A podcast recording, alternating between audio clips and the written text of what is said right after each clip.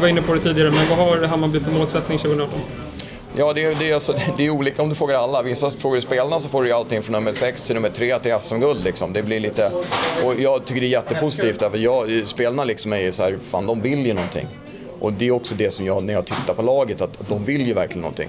Det är, det är liksom så här, de, de jobbar hårt på träningen, de vill lära sig, många spelare har en jävla potential. Men vet vi ju alla att det är inte alla spelare som tar klivet fullt ut. Men, men det finns i alla fall, vi har många sådana som några borde slå. Eh, min målsättning är liksom att vi ska spela för att vinna varje match. Det är min, vi ska kliva in och försöka vinna varje match. Sen kommer vi inte att vinna varje match. Eh, men vi ska i alla fall ha den liksom, och försöka pränta in det hos spelarna. Eh, och våga, liksom, våga tro. Eh, för jag tror också att det är ännu ett sätt för oss att, att faktiskt eh, få med oss publiken på ett bra sätt, en kraft på hemmaplan. Det ska bli lite jobbigare att möta Hammarby också på Tele2 än vad det kanske är. Eh, sådär. Och då klart, det, som, det, det kommer bli automat- Vi kommer förmodligen också förlora mer matcher, men vi kommer också vinna mer matcher.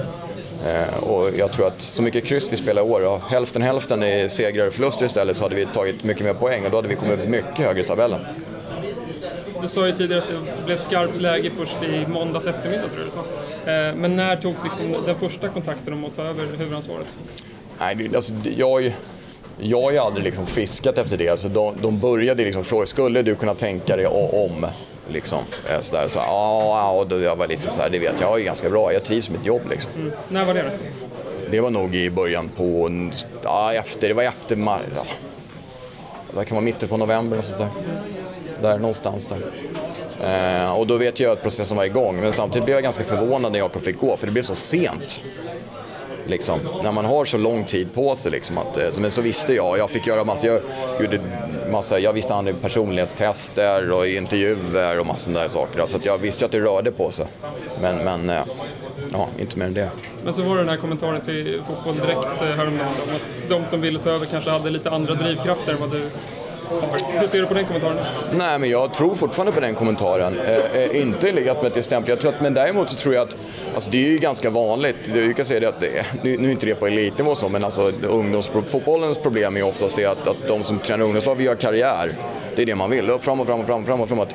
Jag har aldrig haft som, som eh, eh målsnö att göra karriär. Eh, liksom, jag var i i Brommapojkarna så liksom, körde jag liksom 13 16, körde jag 13 16, körde jag 13 16 igen. Och sen till slut så blev ju liksom Ola Danar blev förbannade liksom. Så sa nu får du ta juniorerna liksom. Och så var jag på juniorerna i ett par år och sen så var det nu måste du upp i A-laget liksom. Så, så hamnade jag i A-laget i fem år. Uh, det, det, var väl så här också. Jag jobbade inte i Hammarby 2016 för att jag skulle jobba på A-laget 2017. Det var liksom, vi vill att du ska upp på A-laget, vad tycker du om det? Ja, men det är okej. Okay. ja, det gör jag. Och sen samma sak nu. Eh, så, så det är liksom, det har blivit så bara. Men jag är, när jag, nu eftersom jag har haft så lång tid på mig att fundera, eftersom jag visste att frågan kanske skulle komma, eh, utan att veta att den skulle komma, så, så liksom, nej vad fan. Eh, jag känner ett enormt stöd från klubben och jag känner ett enormt stöd från framförallt mina spelare. Vad var det som triggade till att säga ja i det läget? Vad var det som hände? Jag skulle nog säga att det var att jag kände sånt förtroende från spelarna. Skulle jag säga. Eh, enbart. Du har omklädningsrummet? Ja, det skulle man kunna säga. Eh, och det är jätteviktigt eh, för mig. Tycker du att Mickelson tappar det? Det spekulerat. Nej, det tycker jag inte. Eh, det tycker jag inte att han hade. nej, absolut inte. Jag tror inte att några spelare hade reagerat om han hade varit kvar. Kan du beskriva ert samarbete förra säsongen? Hur fungerade det? Det fungerade bra. Jag lärde mig mycket om Jakob förra året. Vi hade otroligt högt i tak mellan oss.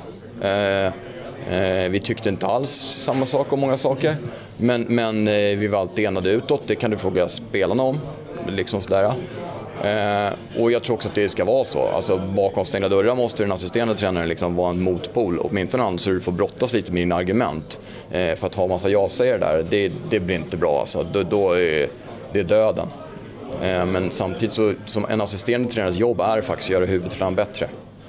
Ehm, så att liksom, då får man säga, ja, men kör vi på det här, du tror på det här, fan då kör vi på det här. Då är det det som gäller fullt ut. Men jag hade jättemycket ansvar förra året. Eh, och det är verkligen en eloge till Jakob. Han gav mig jätteförtroende. Så, så att det, eh, jag ger bara positiva bilder av 2017. Så. Du ska ju vara med och plocka ut en assisterande. Vad är det du söker i den? Nej, just samma sak skulle jag säga. Någon som kompletterar mig på ett bra sätt och som faktiskt eh, kan argumentera och säga ifrån. Eh, så vi får ett bra ett klimat som, liksom, som, som är lite utmanande. Eh, sådär. Det är det. Det är det viktigaste skulle jag säga. Inte någon som är likadan som mig. Det finns ju extremt mycket möjligheter givetvis. Vad ser du som den största utmaningen att ta över Hammarby? Oj. Eh, nej, att det är så mycket. Jag vet ju om att det är så otroligt mycket förväntningar. Eh, att det betyder så mycket för så många människor, såklart. Eh, och att, att det, det, är klart att det vore helt fantastiskt om man kunde göra dem eh, eh lyckliga istället för besvikna. Eh, det är klart. Men samtidigt så är jag anställd av Hammarby för jag är, jag är fotbollstränare. och som jag sa innan, om, om inte Hammarby vet vad de får nu, när jag har varit här, jag har varit i Stockholmsfotbollen i 30 år och i Hammarby och liksom, då är de ju, så att, så att de borde ju rimligtvis veta vad de får. Eh, så att eh, Nej, jag ska, jag, jag ska göra det jag alltid gjort, liksom. försöka göra laget så bra som möjligt. Träna fotbollslaget Hammarby och matcha fotbollslaget Hammarby så vi vinner fotbollsmatcher. Och att vi får bättre spelare, att spelarna tar kliv individuellt. Det tror jag är jätteviktigt. För det är, nej, det, Synes som sist så är det pengar mycket som styr fotbollen. Hammarby ska få in mer pengar, för mer publik är svårt att få. Mm. Då måste man sälja spelare. Eh, och det har ju Hammarby varit rent sagt usla på eh, genom åren. Så liksom, ja, jag skulle säga att det är en katastrof. Eh, och, och, det är väl ingenting att hymla om för det är så det är. Eh, så, så att, eh, det är också stort fokus och jag tror också därför Hammarby har valt mig. Att vi har en yngre grupp nu med spelare, eh, kanske istället för en äldre grupp med spelare eh, som man kanske ska, kan hantera på ett lite annorlunda sätt. Känn, jag funderar på hur mycket, fotboll, eh, hur mycket fotboll är du? Hur mycket fotboll ser du? Jag skulle säga det att jag är nog inte så fot... Om, om, du frågar andra så skulle de säga att jag är värsta fotbollsnörden. Ja, eh, jag skulle nog säga att jag inte är... Jag är inte så att jag tittar på tre tips matcher och sånt. Okay. Eh, jag tittar nog relativt lite... Eller jag försöker vara selektiv med fotbollen jag tittar på. Under säsong tittar man så mycket allsvensk fotboll så det blir så. Men internationell fotboll försöker vara selektiv för att jag märkte också när man är fotbollstränare så tittar man lite annorlunda på fotboll. Man blir liksom väldigt så här analyserad, det är nästan tråkigt att titta ibland. Så att jag försöker eh, att ta det. Men däremot så försöker jag hänga med, läsa mycket, eh, titta mycket utomlands och så. Här och, så. Eh, och, och, även den pedagogiska biten, liksom. lärprocessen. Har du några förebilder? Ja, jag, ska, jag har haft en förebild i alla år, men han fick sparken igår så att det var... Um, uh, en, en holländare som heter René Mühlenstein som var i Manchester United i många år, som jag hade förmånen att få, få gå med under många år. Men som sen var han, han hade en dålig streak när han var väl full han med tre månader och Hanshi Machakala i tre veckor och Tel Aviv i ett halvår och nu var han i Indien och fick gå efter. Men det är en otroligt duktig, som, som tränare betraktad och, och liksom det här att utveckla spelare, helt fantastisk. Jag skulle säga att han är, det är min, det är min förebild, bästa tränaren jag, tränaren. Jag har någonstans sett EK. När var du med När fick du jobba ihop med honom? Vi hade ett, det, Brommapojkarna var satellitklubb till Manchester United i många år.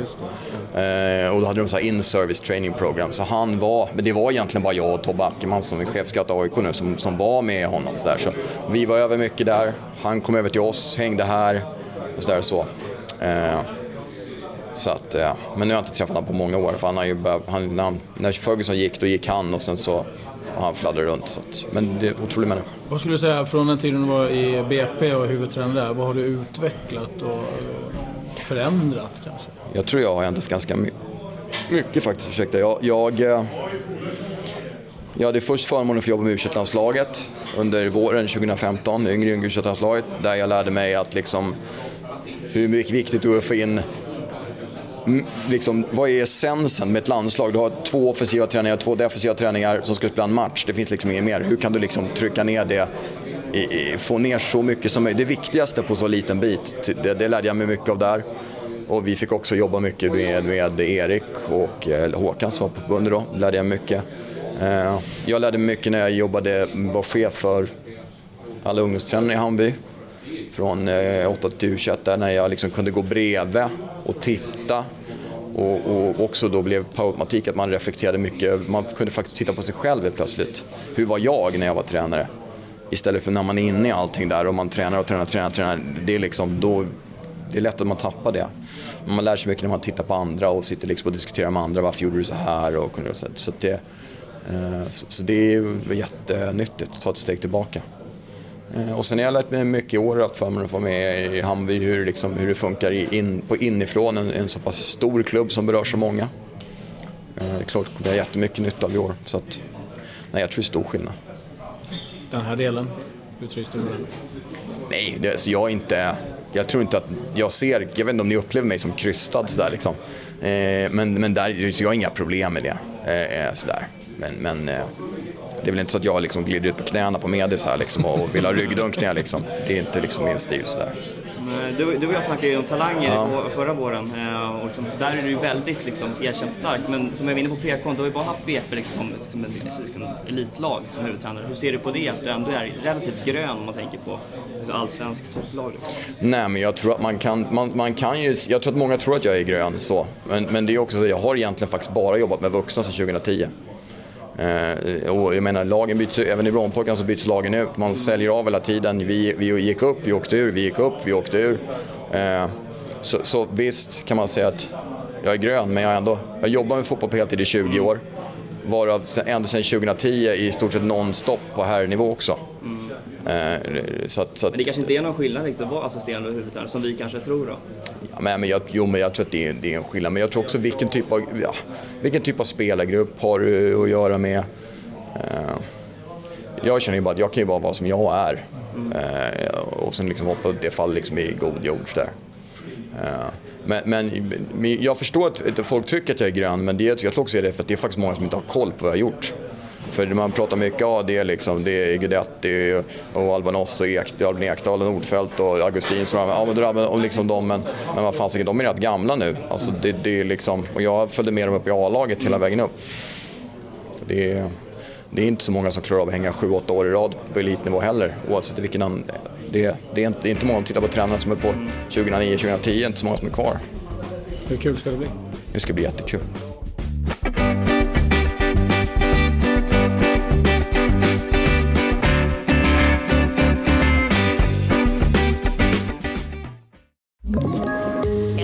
Poddtips från Podplay.